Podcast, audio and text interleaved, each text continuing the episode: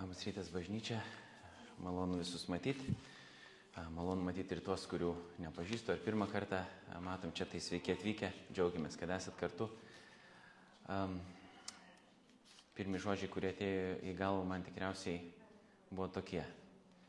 Na ką, sulaukiam pagaliau apie to, apie tai, ką skaitom, ką gėdam, apie tai, kad viešpats yra mano stiprybė, jis yra mano tvirtovė, apie tai, kad audros jaučia ir panašiai.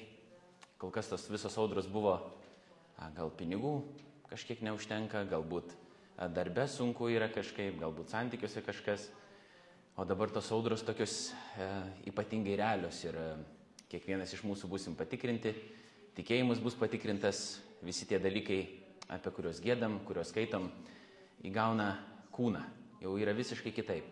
Aišku, toli gražu ne taip kaip žmonėms Ukrainai, mums yra nepalyginamai lengviau, bet e, reikalas yra koks, ne, kad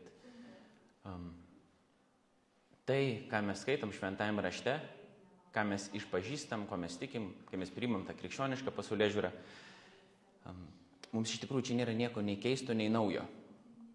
Karas nėra netikėtas dalykas. Mums jis yra netikėtas kažkodėl, mes nepasiruošę esame. Bet tai nėra naujas dalykas žmonės istorijoje. Visą Senąjį testamentą skaitai, ten nuolatiniai karai, visų prieš visus, nuolat. Jėzus, visi tie žodžiai, kurie Jėzus yra išsakyti, jie yra išsakyti okupacijos metais. Jis gyveno priespaudai, režime, vadinkim taip, Romos imperijos.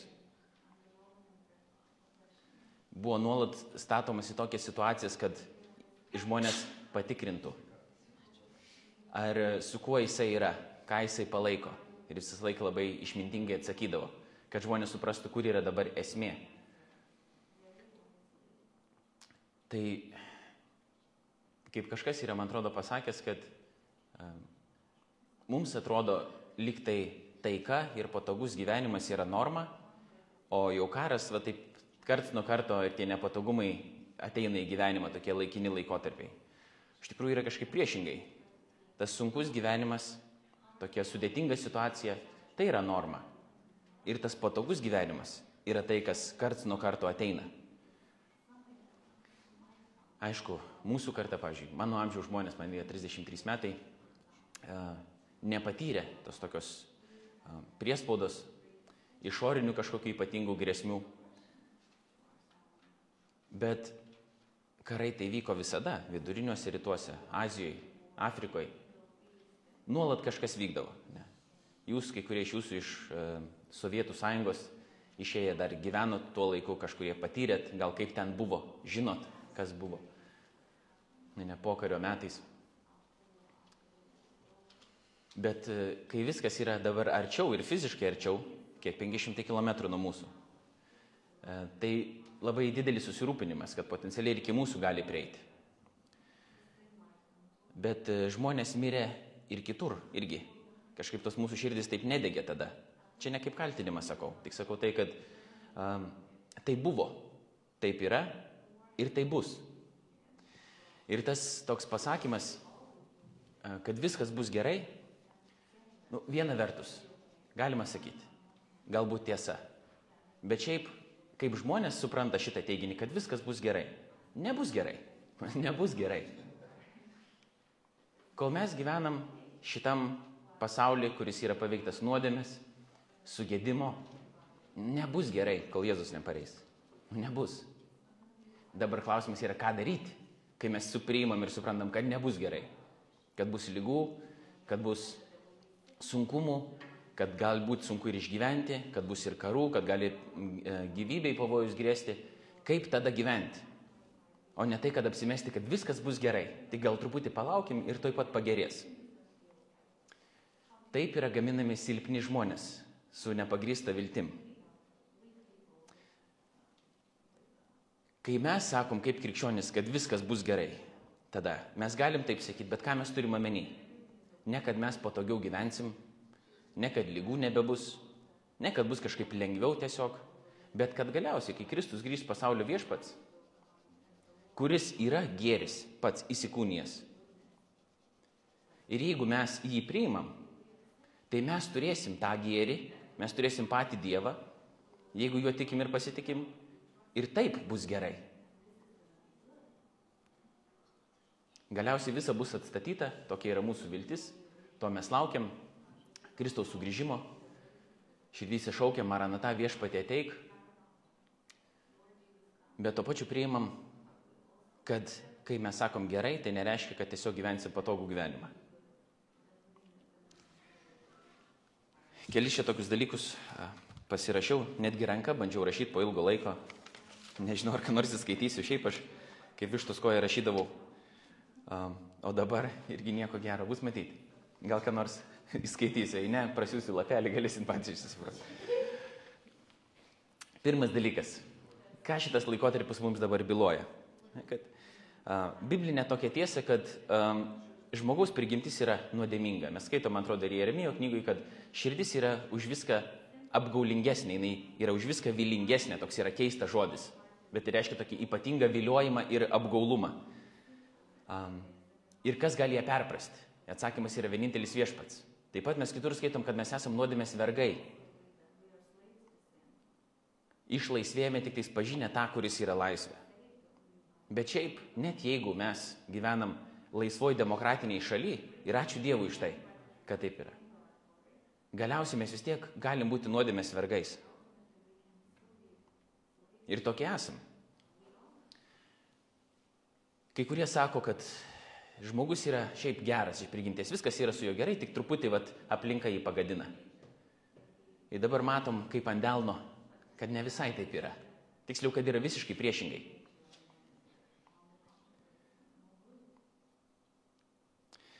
Dabar šitos tokios krizės sudėtingo laikotarpio buvime mes ieškom tada, aišku, pagodos ir pagalbos. Klausimas yra, kur mes to ieškom. Ir kaip mes tą darom.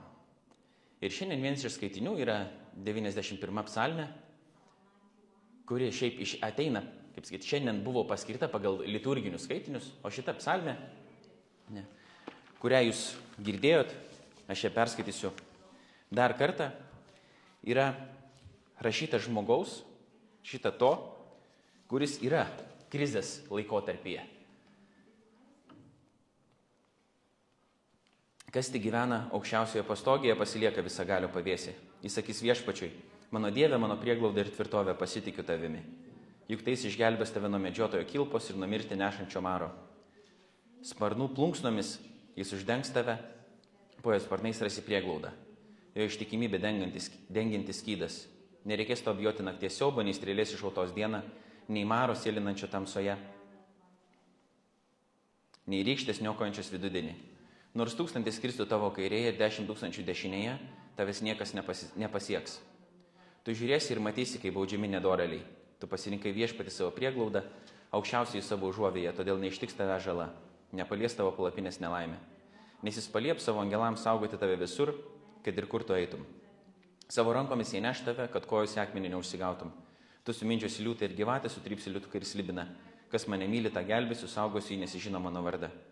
Kai išauksis manęs išklausysiu, būsiu su jo vargė, išgelbėsiu ir pagerbsiu, pasotinsiu ilgų amžiumi, pagirdysiu savo išganimu.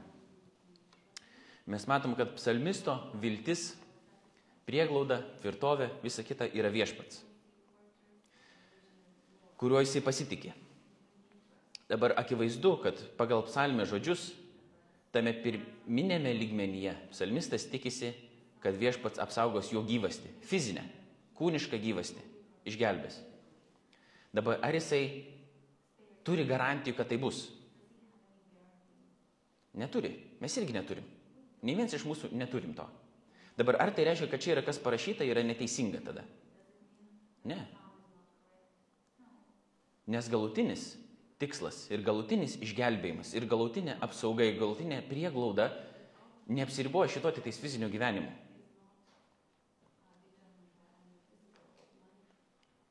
Dabar mačiau ir šiandien jau Facebook'e pasidalinimų tokių, kad Ukrainos kariai uh, iš, žodžius iš šitos psalmės kažkur pasirašo. Man atrodo, pas juos Biblijoje yra 90 psalmė, čia tas numeravimas kitoks yra, pas mums 91. Kai buvom Amerikoje prieš kelis metus su Auša, mums viena tokia šeima, vyresnių žmonių tarnautojai, krikščionis, padovanojo knygutę apie 91 psalmę, psalmę, kurią rašė žmogus, kuris dalyvavo kare, nežinau dabar tiksliai kokiam, aš neskaičiau tos knygos, Aušas skaitė, tai tik perpasakojo man. Ir jisai melsdavosi tą psalmę karo metu, jis išgyveno. Po to tas pats žmogus, kuris padovanojo tą knygutę, jisai gyvena prie Orlando, tokiam karkasiniam name, kuris yra lengvai nupučiamas. O Floridoje uraganų yra nemažai. Tornadų, uraganų. Ir mes buvom tada tuo laikotarpiu, kai kaip tik siautė kažkuris iš tų uraganų, aš nežinau kuris. Mes nepataikėm, bet at, išvažiavam iš Floridos, kai dar nebuvo atėjęs, o grįžom, kai jau buvo praėjęs. Ir uh, eidavo aplink savo namą, auša man priminė šiandien, melzdamasis tą 91 psalmę, kad apsaugotų tą jo, tą jo namuką. Ir nekart jų nesugriovė. Sako, buvo daug kaimynų namų sugriovė, sako, bet jo nekart nesugriovė. Ar tai reiškia, čia dabar mes magiją irgi užsiminėjom? Tiesiog, vad sakom, burtažodžius, ar ne, tada užkalbam kažką ir tada kažkokiu būdu viešpats apsaugos. Aišku, ne. Psalmė yra iš žmogaus širdies trykštanti malda, giesmė, kuri yra paremta supratimu to, kas viešpats yra ir ką jis gali padaryti. Ir pasitikėjimu, kad jeigu bus ne taip, kaip mes norim, kad vis, vis tiek viešpats yra virš visko, jis yra visagalis ir jis yra geras. Ir tai mes geriausiai matom Jėzaus pavyzdyje. Dabar Luko Evangelijoje, čia tos įlūtos, kurios šiandien vėl buvo skaitytos, šetonas gundo Jėzų per jo išbandymą dykumoje. Sako, yra parašiuok nuo tos stovyklos šelmens, kad ir kas tas šelmuo būtų, nuo vokšto. Šok nuo jo ir nes yra parašyta, kad ta, neleis tau kojoms į akmenį užsigauti, parpulti tau neleis. Ir čia cituojama yra 91 psalmė. Jėzus sako, pasakyta, negundik viešpatė savo Dievo. Mes galim iškreipti raštą, galvoti, kad kažkaip mes va dabar paimam, čia kažkokį burtažodį sukalbėsim, kažkokią eilutę ištrauksim, pritaikysim mums kaip reikia ir tada piksim ant Dievo, jeigu nėra taip, kaip mes sugalvom, kad turėtų būti. Yra stebuklų ir yra tai, kad Dievas atsako į tą tyro širdies troškimą, kad apsaugotų gyvybę ir fizinę gyvybę ir išgydytų, vyksta šitie dalykai. Tuo pat metu ne visada šitie dalykai vyksta. Kodėl? Mes tiksliai nežinom. Bet ką mes žinom? Kad Dievas lieka toks pat. Kad jis vis tiek yra ištikimas, kad jis yra geras, nes mes suprantam, kad ne viskas susiveda į šitą gyvenimą. Nes jeigu viskas susiveda į šitą gyvenimą ir nėra nieko daugiau, tada gali kilti pagrįstas klausimas, o tai kodėl tada Dievas neišgelbsti, o kodėl yra taip, vienus atrodo pas, vienais pasirūpina, kitais nepasirūpina, tai kas čia dabar yra per bėdos? Ar Dievas tada yra teisingas, ar jisai šališkas yra, ar jis gal ne visagalis tada yra. Bet kadangi mes suprantam, kad mūsų ta realybė yra žymiai platesnė, jinai nėra tokia plokščia, kaip daugam atrodo. Galutinis tikslas nėra tik tais mūsų materialus, geras gyvenimas ir prailginti savo egzistenciją, kiek tik tais yra įmanoma šitam pasauliu. Gyvybė yra geras dalykas, mirtis yra blogas dalykas. Jėzus, kai mirė jo draugas Lozorius, verkė. Nors žinojo, kad prikels jį po kelių dienų. Tai yra paliudijimas, kad ne taip turėjo būti.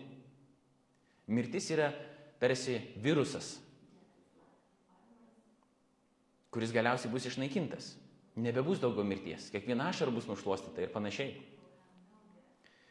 Bet mes galim sakyti, kad Dievas yra geras ir kad Jis yra visagalis, nors mes matom daug įvairių dalykų, kurie mums gal trikdo, dėl to, kad mes sudedam savo viltis visas į amžiną Dievą ir į amžinybę, o ne vien tik į tai, kas vyksta čia. Dievas parodys malonę. Galbūt tada kažkokia situacija pagerės, galbūt išgysim, galbūt busim apsaugoti, bet jeigu ne, vis tiek Dievas yra geras. Nes galiausiai visi tie dalykai bus atitaisyti. Galiausiai. Ir čia ir pasireiškia mūsų tikėjimas ir viltis. Ar mes pasitikim Dievo charakteriu, kad tie dalykai, kurių dabar nematom, kur plika akimi yra šiuo momentu nematomi, ar mes turim gero pagrindo pasitikėti, kad galiausiai, jeigu ištversim, kaip yra parašyta, ir matysim, Dievo veidas į veidą ir visi tie dalykai bus atstatyti. Ir nebebus viso to, ko mes dabar nekenčiam ir ko Dievas nekenčia. Tai yra nuodėmis.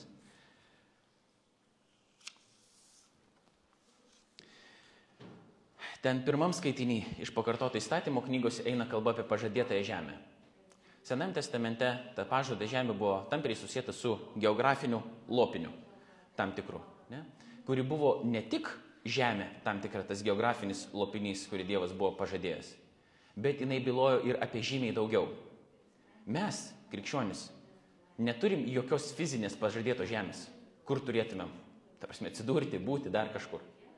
Gyvename, kur gyvenam, niekur mes neieškom geresnio gyvenimo, kaip sakyti, Amerika kažkam pažadėto žemė buvo 20 amžiaus pabaigoje, vidury, visa kita. Nieko blogo. Kaip sakyti, valstybė klestinti, žmonėm galimybę atverianti, viskas puiku. Bet net ir Amerika pasibaigs, mes pasibaigsim. Tai kas yra ta mūsų pažadėtoji žemė?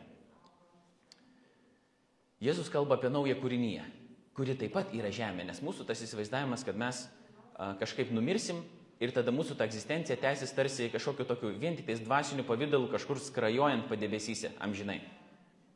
Netokia yra krikščioniška viltis. Paulius sako, ir tai yra geriau negu ta, kaip sakyt, būtis, kurią mes dabar turim, bet tai nėra galutinis tikslas.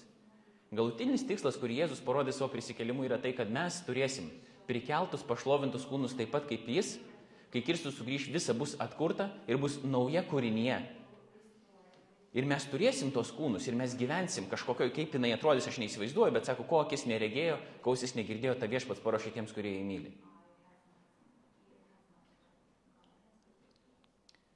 Tai va čia yra ta mūsų pažadėtoji žemė. Tai prisikėlimo kūnai, ta naujoji kūrinė, bet svarbiausia, mūsų pažadas yra pats Dievas. Čia nėra kažkoks musulmoniškas modelis ar mormoniškas modelis ar dar kažkur, kur tau gauni kažkokį gerą dalyką, kurį tau Dievas tiesiog padovanoja. Kad ir kas tai reikštų, ta prasme, tam kontekste geras dalykas. Krikščionis gauna patį Dievą. Čia yra mūsų pažadas. O jeigu tu gauni patį Dievą, tu gauni meilę, gėrį, grožį, teisingumą, ramybę, visus tos dalykus. Mūsų tikėjimo pagrindas yra santykis, o ne kažkokie faini dalykai tiesiog, kurie mums gali nutikti arba kuriuos mes galim gauti. Kažkas yra pasakęs, dabar tiksliai neatsimenu irgi kas, tai nebandysiu tos citatos priskirti kažkam neteisingai. Baisu yra nemirti, baisu yra numirti ir Dievo nepažinoti. Aišku, baisu yra mirti. Aš nežinau, ką, ką aš daryčiau, jeigu, sakykime, iki mūsų ateitų Rusija su savo kariais. Aš tikiuosi, kad aš neįskyščiau, kad aš nepabėgčiau, neprasmėgčiau kažkur. Bet ką aš žinau, silpnas aš esu žmogus. Atsargiai reikia mums visai su pareiškimais, ką mes šį darytumėm, ko mes nedarytumėm, nepažįstame savęs. Savo širdžių mes nepažįstam, taip jinai yra apgaulinga ta mūsų širdis. Charakteris yra ištiriamas per pirmas kelias sekundės, kai reikia priimti sprendimą. Ir tu nebeapgalvosi, tai nieko nebeapireflektuosi. Pasimatys, kaip sakyti, visi tie dalykai bus ištirti ir pasimatys. Dėl to mes po truputį grūdinam, grūdinam, grūdinam tą savo charakterį, tam, kad kai ateis ištyrimo metas, kad gebėtumėm atstovėtume tikėjime.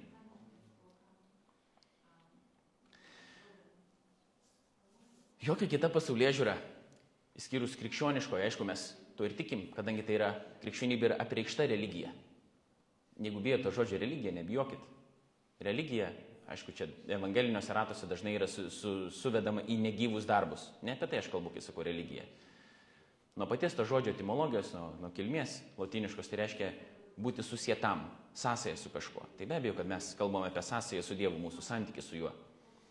Krikščionybė, būdama priekštoji religija, kadangi nėra žmonių išgalvota, bet yra pats Dievas pasakęs iš tikrųjų, koks yra pasaulis, kokie esame mes, ir kas geriau negu kuriejas gali apibūdinti savo kūrinį ir savo kūrinius, geriausiai byloja, kokia yra žmogiškoji realybė, kokia yra pasaulio realybė ir koks yra pats Dievas. Ir galiausiai duoda geriausią ir efektyviausią sprendimą tai situacijai. Aš nematau to jokio kitoj pasaulyje žiūrai. Realybė yra tokia, kad žmogus, žmogus prigimtis yra dužus, lūžus.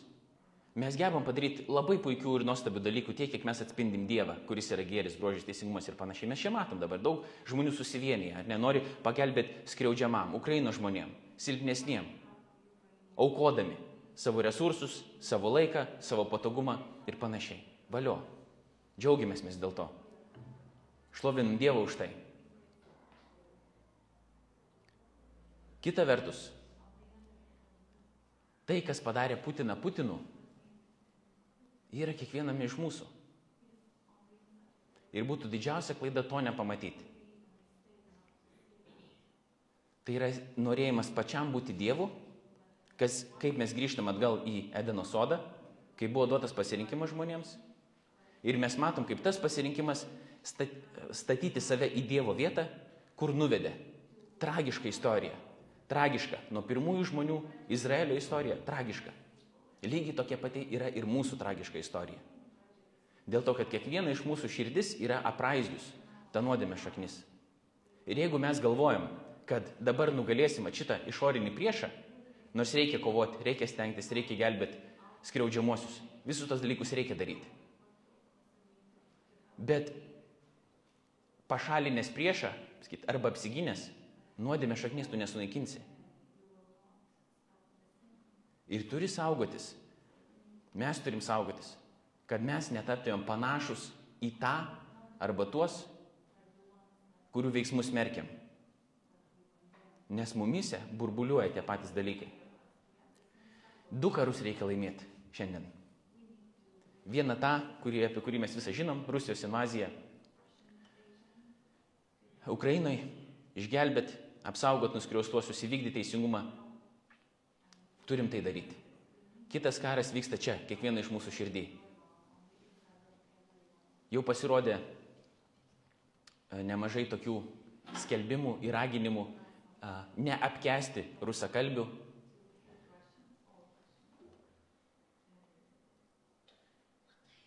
Dėl to, kad viską nukreipiant į išorę ir galvant, kad karas yra tik tais ten ir va su šitą problemą susitvarkė, mes gyvensim jau nuostabų gyvenimą, tarsi utopijoje, po truputį šitą karą apleidžiant vidinį, mes toliau kursim tokį pasaulį, kuriuo mes nenorim ir prieš kurį dabar kovojam ateinantį. Negalim, mes bent jau kaip krikščionis, tai tikrai mes negalim pamiršti to, kad nuodėmės šaknis yra giliai mūsų širdyse.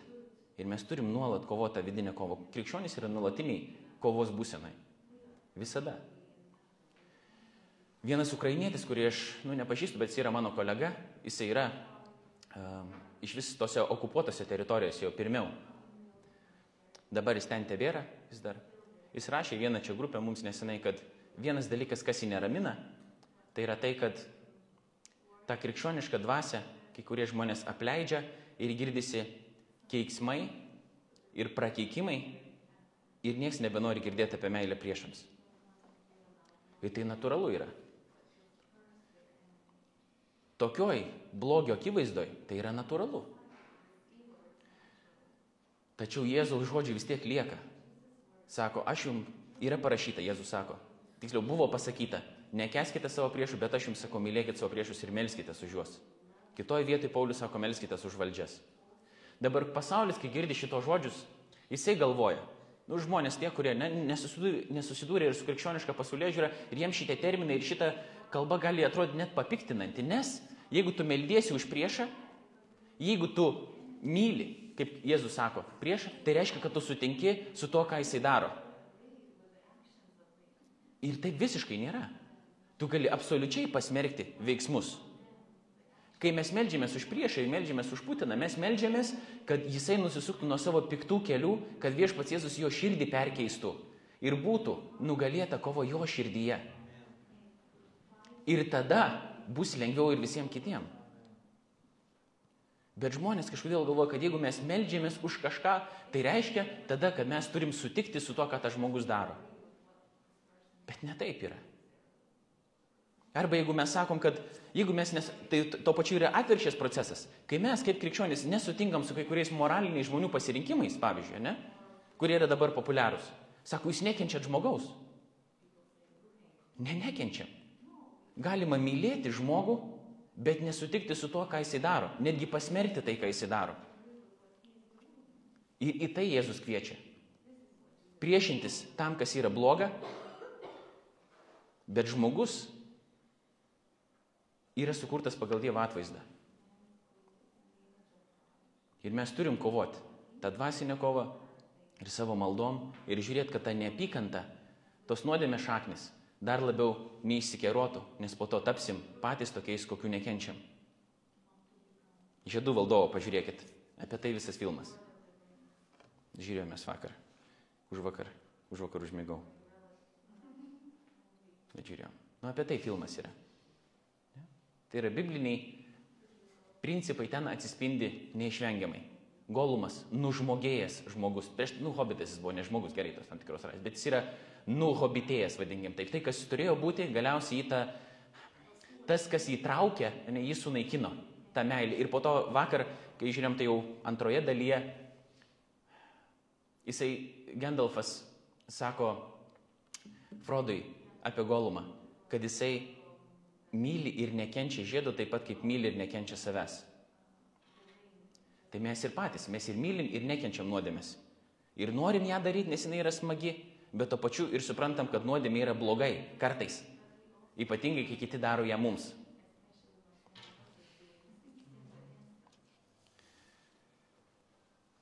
Tai jokia kita pasaulė žiūri neįvertina taip tiksliai žmogiškosios prigimties, kuri yra tokia kompleksiška, dužusi. Ne? Neįvertina realiai pasaulio situacijos, koks pasaulis yra. Taip realiai kaip krikščionybė. Kad kūriniai yra geras dalykas. Bet kaip su nuodėme atėjęs, su žmogaus pasirinkimu, tam tikri dalykai atėjo į šitą pasaulį. Ne? Pasaulis, kaip gera kūrinyje, taip pat su blogo tam tikrą prasme. Ir mes esam kviečiami, kai buvo pirmieji žmonės kviečiami plėsti Edeną, mes irgi esam kviečiami toliau kurti Edeną aplink save. Gerais darbais, patarnavimu, meilės žodžiais, padrasinimais ir visais kitais panašiais dalykais. Nes Dievas, ar jis nėra visagalis, jis negalėtų visko dabar padaryti. Galėtų. Bet kadangi jis gerbė, skirtingai nei kai kurie režimai, žmogaus laisvą valią ir jis nori, kad mes tame dalyvautumėm, jisai kviečia ir įgalina mumis tai daryti. Galiausiai sprendimo jokia kita pasaulyje žiūra tokio neturi kaip krikščionybė. Pagal vienas pasaulyje žiūras, pavyzdžiui, pagal budizmą, bent jau tradicinės jo mokyklas, reikėtų tiesiog nebeturėti troškimų ir taip tu įveiksi kančią. Tiesiog. To reikia kažkaip troškimų nustoti turėti kokiu nors. Tai reikia taip įvardinti, kad ir trokšti, pavyzdžiui, kad karas sustotų arba kad teisingumas nugalėtų, irgi yra, nu, nereikėtų to troškimų turėti, tai veda į kančią. Islamas sakytų, Alacho valia, kas yra. Viskas. Nu taip yra. Viskas. Tiesiog taip yra. Nelabai ką padarys. Kitos tokios pasaulė žiūros karminės. Nu, gauni ko nusipelnė iš principo. Karma. Dabar yra taip, nu gerai, po to bus kitas ratas. Truputį apsivalysi, pasistengsi, kitam rate žiūrėsi, jeigu dar prisidirbsi, tai vėl gausi ko nusipelnai. Nu ir suksisi, suksisi, kol galiausiai išsisuksi lauk. Galbūt, bet galbūt ir neišsisuksi. Kitur iliuzija iš vis. Kalbėjau su knygų mūgiai, su vienai žmonėm, kurie sako, čia iliuzija, viskas yra, kas yra tarp mūsų, iliuzija. Noris iškart vieną taip į nuosį sakyti, čia iliuzija irgi. Kas yra? Ta prasme, nu kaip, kad, nu aišku, aš taip nedarysiu, aš mušėsis gyvenime nesu. Nu, bet mintis yra tokia, ne, nu kaip tu gali žiūrėti, ne, ir tai, kas vyksta, nu, tokio sveiko proto visiškai atsiriboti ir galvoti kažkokius sprendimus, kaip čia reikėtų tą gyvenimą, tai, nu, išspręsti, išsukti, ne. Materialistinės pasaulė žiūros iš ateizmo kilusios. Iš vis net negali apie gėrį, blogį, teisingumą, neteisingumą kalbėti. Žmonės tai daro, nors yra ateistai, agnostikai ir panašiai, dėl to, kad jie yra sukurti pagal Dievo atvaizdą ir įstatymas yra įrašytas ant jų širdžių ir jie negali nuo to pabėgti. Jie vis tiek mato teisingumo poreikį, jie vis tiek mato, kad gali atpažinti kažkokiu lygiu gėrį, blogį. Bet jeigu mes imam ekologinių išdavų materializmą, nu tiesiog yra taip, kaip yra. Nu, Putinas taip sugalvojo, kažkas kitas kitaip sugalvojo. Pagal Nyčias logiką, tai Putinas, nu, kuria ant žmogį tam tikrą, ne, pervertina visas vertybės ir kas turi galę, tas turi teisę daryti kaip nori. O silpniai tada kenčia. Bet čia nėra nei gerai, nei blogai. Vienintelė krikščionybė ne tik realiai įvertina tą situaciją, bet ir duoda realų sprendimą. Neduodama visų atsakymų iki galo. Mes nežinom tiksliai, kodėl, kas ir kaip vyksta, ne? bet mes turim Dievą, kuris priėmė žmogaus kūną ir atėjo į visą tą netvarką, į visą tą blogį, nepaliko ten tiesiog kažkur stebėti ir sakyti, va taip galbūt yra, ta prasme, jūs ten tą, tą padarykit truputį vienaip galvokit, kitaip galvokit, bet jis atėjo ir pats, Jėzus, gimęs kaip žydas, gyvenęs okupuotoj teritorijai. Galiausiai mirė rankose tų žmonių, kuriuos pats sukūrė. Už mūsų nuodėmės, už tai, ką mes esame patys pridirbę. Ir jisai sako, ateikit visi pas mane ir aš jūs atgaivinsiu. Ir Senam testamente mes skaitom, kad viešpatė duok, pakeis mūsų akmeninę širdį į gyvą širdį. Ir Jėzus sako, aš jums atsiųsiu šventąją dvasę galiausiai, kuri ir perkeis jūs, kuri vesi tiesos pilnatvę, kuri įgalins daryti tos darbus, kuriuos aš aukiu jūs daryti.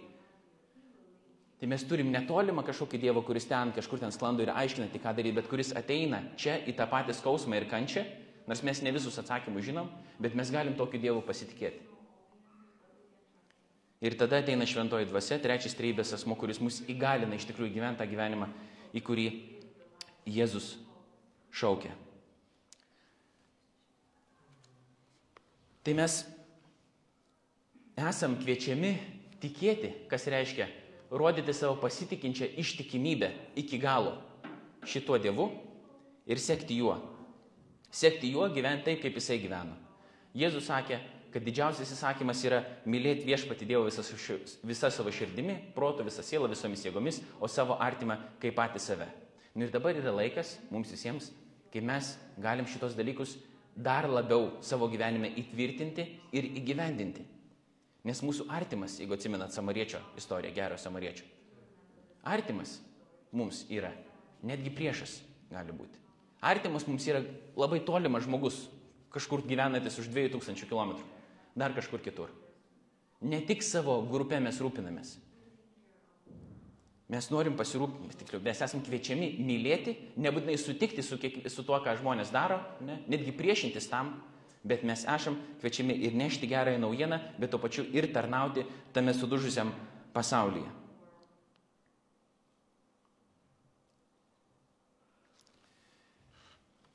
Dabar ką daryti? Ką daryti, jeigu mes atrodo tikim Dievu, bet yra sunku? Ir ką daryti, jeigu to tikėjimo ar pasitikėjimo Jėzumi nėra? Tai čia yra tada du tokie kvietimai dabar į pabaigą. Koks tas buvo skaitinys iš romiečiams kelintos skyriaus? Romiečiams dešimt. Ne, dešimt, aš irgi esu nuo aštuntos eilutės. Arti tave žodis, jis tavo burnoje ir tavo širdyje, tai reiškia mūsų skelbiamą tikėjimo žodį. Jeigu lūpomis išpažinsi viešpati Jėzų ir širdimi tikėsi, kad Dievas įprikėlė iš numirusių, būsi išgelbėtas. Širdimi priimtas tikėjimas veda į teisumą, lūpomis išpažintas į išganimą. Raštas juk sako, kas jį tiki, nelik sugėdintas. Nėra skirtumo tarp žydų ir graiko, nes pats, tas pats visų viešpats turi turtų visiems, kurie jo šaukėsi. Kiekvienas, kuris šaukėsi viešpatės vardo, bus išgelbėtas. Tai jeigu dar nesam šaukėsi viešpatės vardo, nu šiandien yra ta diena, kaip yra parašyta irgi, šiandien yra išgelbėjimo diena, galim šauktis viešpatės vardo. Ar mes pasitikim ir norim priimti tą Dievą, kuris įsikūnijo Jėzuje Kristuje, kuris numirė už mūsų nuodėmės ant kryžiaus, tam, kad perkeistų šitą pasaulį ir kuris galiausiai ateis ir bus atstatytas visas teisingumas. Nes Dievas nepaliks nuodėmės nenubaustos. Ir jisai nepaliks nei vieno, kuris pasitikė juo. O jeigu mes kažkaip juo pasitikim, kad ir klupinėjom, ne kaip yra irgi vienoje vietoje parašyta, tikiu, bet padėk mano netikėjimui. Ir čia mūsų tokia nuolatinė iš tikrųjų yra būklė. Tai mes turim toliau šaknytis viešpatė žodėje, skaitydami šventą raštą, priimant jo pažadus rimtai, ką jis yra pasakęs, dalyvauti bendruomenės gyvenime viens kitą drąsinti, skatinti, dabar yra laikas burtis, o ne skaidytis, pakviesti visus kitos, kuriems reikia padrasinimo, kuriems reikia palaikymo, kuriems reikia paguodos, kuriems svarbiausia reikia Jėzus Kristaus, šlovinti Dievą šituo laiku, kai yra sunku, skelbti Evangeliją, kadangi pasaulio ausis po truputį yra dabar atkrapštomos, žmonės yra sujudinti, pradeda permastyti amžinuosius dalykus ir tarnauti kažkokiais praktiškais irgi būdais. Daryti, ką mes galim. Kiekvien, mes, nėra čia formulės, ką mes visi tiksliai turim padaryti. Kiekvienas kaip Dievo yra kviečiamas patarnauti savo talentais, savo būdais, tam, kad, tas, kad galėtum būti Dievo rankom ir kojom šitam pasauliu. Ir kaip Artūras, man atrodo, pasakė per vyrų susitikimą mums prieš savaitę, gerai, dabar irgi yra, kai visas tas hypas yra užkilęs, yra gerai prisidėti, tarnauti, visa kita yra gerai, bet mes turim nepamiršti vieno dalyko, kad kai tas dalykas nueis, ne, kai, kai kas taps norma, kai praeis tas hypas, kai žmonės norės grįžti normalesnius gyvenimus kažkokius, toliau reikės pagalbos.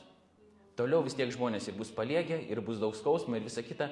Ir krikščionys turi būti tie, kurie liks ištikimi ir toliau. Mes turim toliau ištikimai, ištikimai tarnauti. Nebūtinai gal būsim girdimi ypatingai, žinomi, bet turim būti priebėga. Kaip viešpatė žmonės. Turim melstis. Kai kurie dabar pasirodė ir skelbimų, kad vat, nu, galima užsidėti vėliavėlę, galima melstis, galima dar kažką, bet jeigu norite iš tikrųjų padėti, ateikit pas mumis gaminti ant metalinių kažkokių dalykų. Gerai yra gaminti tos metalinius dalykus, viskas tvarko yra, Bet jeigu realybė yra platesnė, jeigu jinai yra platesnė, ir jeigu vyksta dvasinė kova, nes už blogio imperijų visą laiką stovi sumaištavusi tą dvasinę tarybą, šetonas, jau pakalikai, tai malda yra efektyvus ginklas. Ir mes esam girdėję liudijimų ne vieną ir dar girdėsim. Nenustot melstis, neapleisti, melstis ir veikti. Viens kitam neprieštarauja.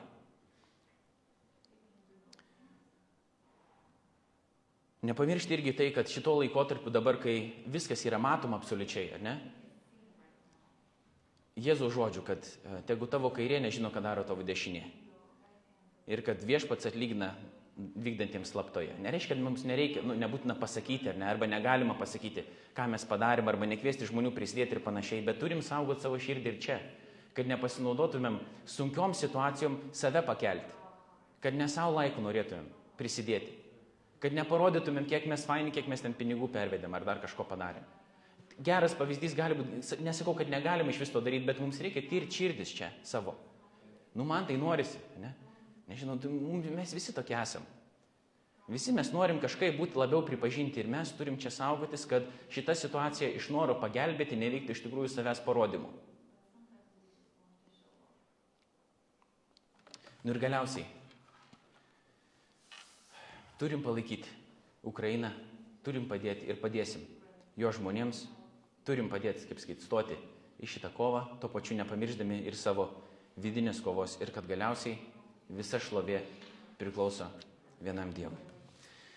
Tai bus to viešpatė šlovė ir skausme, ir varge, ir džiaugsme, ir sunkume, ir priespaudoj, ir apstybei, Nieko viešpatė neturim, ko nebūtum iš tavęs gavę. Žinom, kad tavo mintis nėra mūsų mintis ir tavo keliai nėra mūsų keliai, bet tu esi parodęs viešpatė, kad tavim yra verta pasitikėti. Net kai nematom, net kai nesuprantam kažko. Įgalink mus būti tavo rankom ir kojom šitam pasauliu, to pačiu kovojant ne tik tą išorinę kovą, ne tik padedant prislėgtiesiems ir skurstantiems ir, ir nuo karo bėgantiems ir kovojantiems, bet to pačiu kažkaip sužiūrėti save, kad mūsų širdis neaptuktų, kad ne, nebūtų tokia iliuzija, kad nugalėję žmogišką režimą mes jau gyvensim utopijoje. Nes buvo tokių iliuzijų daug prieš tai ir matom, kad biblinė tiesa lieka biblinė tiesa. Ir laukiam tavęs viešpatį Jėzau, melžiam, kad būtum pasiruošę tave sutikti, o iki tol melžiam padėk mums, įgalink mus, vesk mus, kad kvieštumėm žmonės į tavo karalystę ir iš tikrųjų liudytumėm ne tik žodžiais, bet ir darbais, kad mylim tave ir mylim savo artimą. Te bus tau šlovė per amžius. Amen.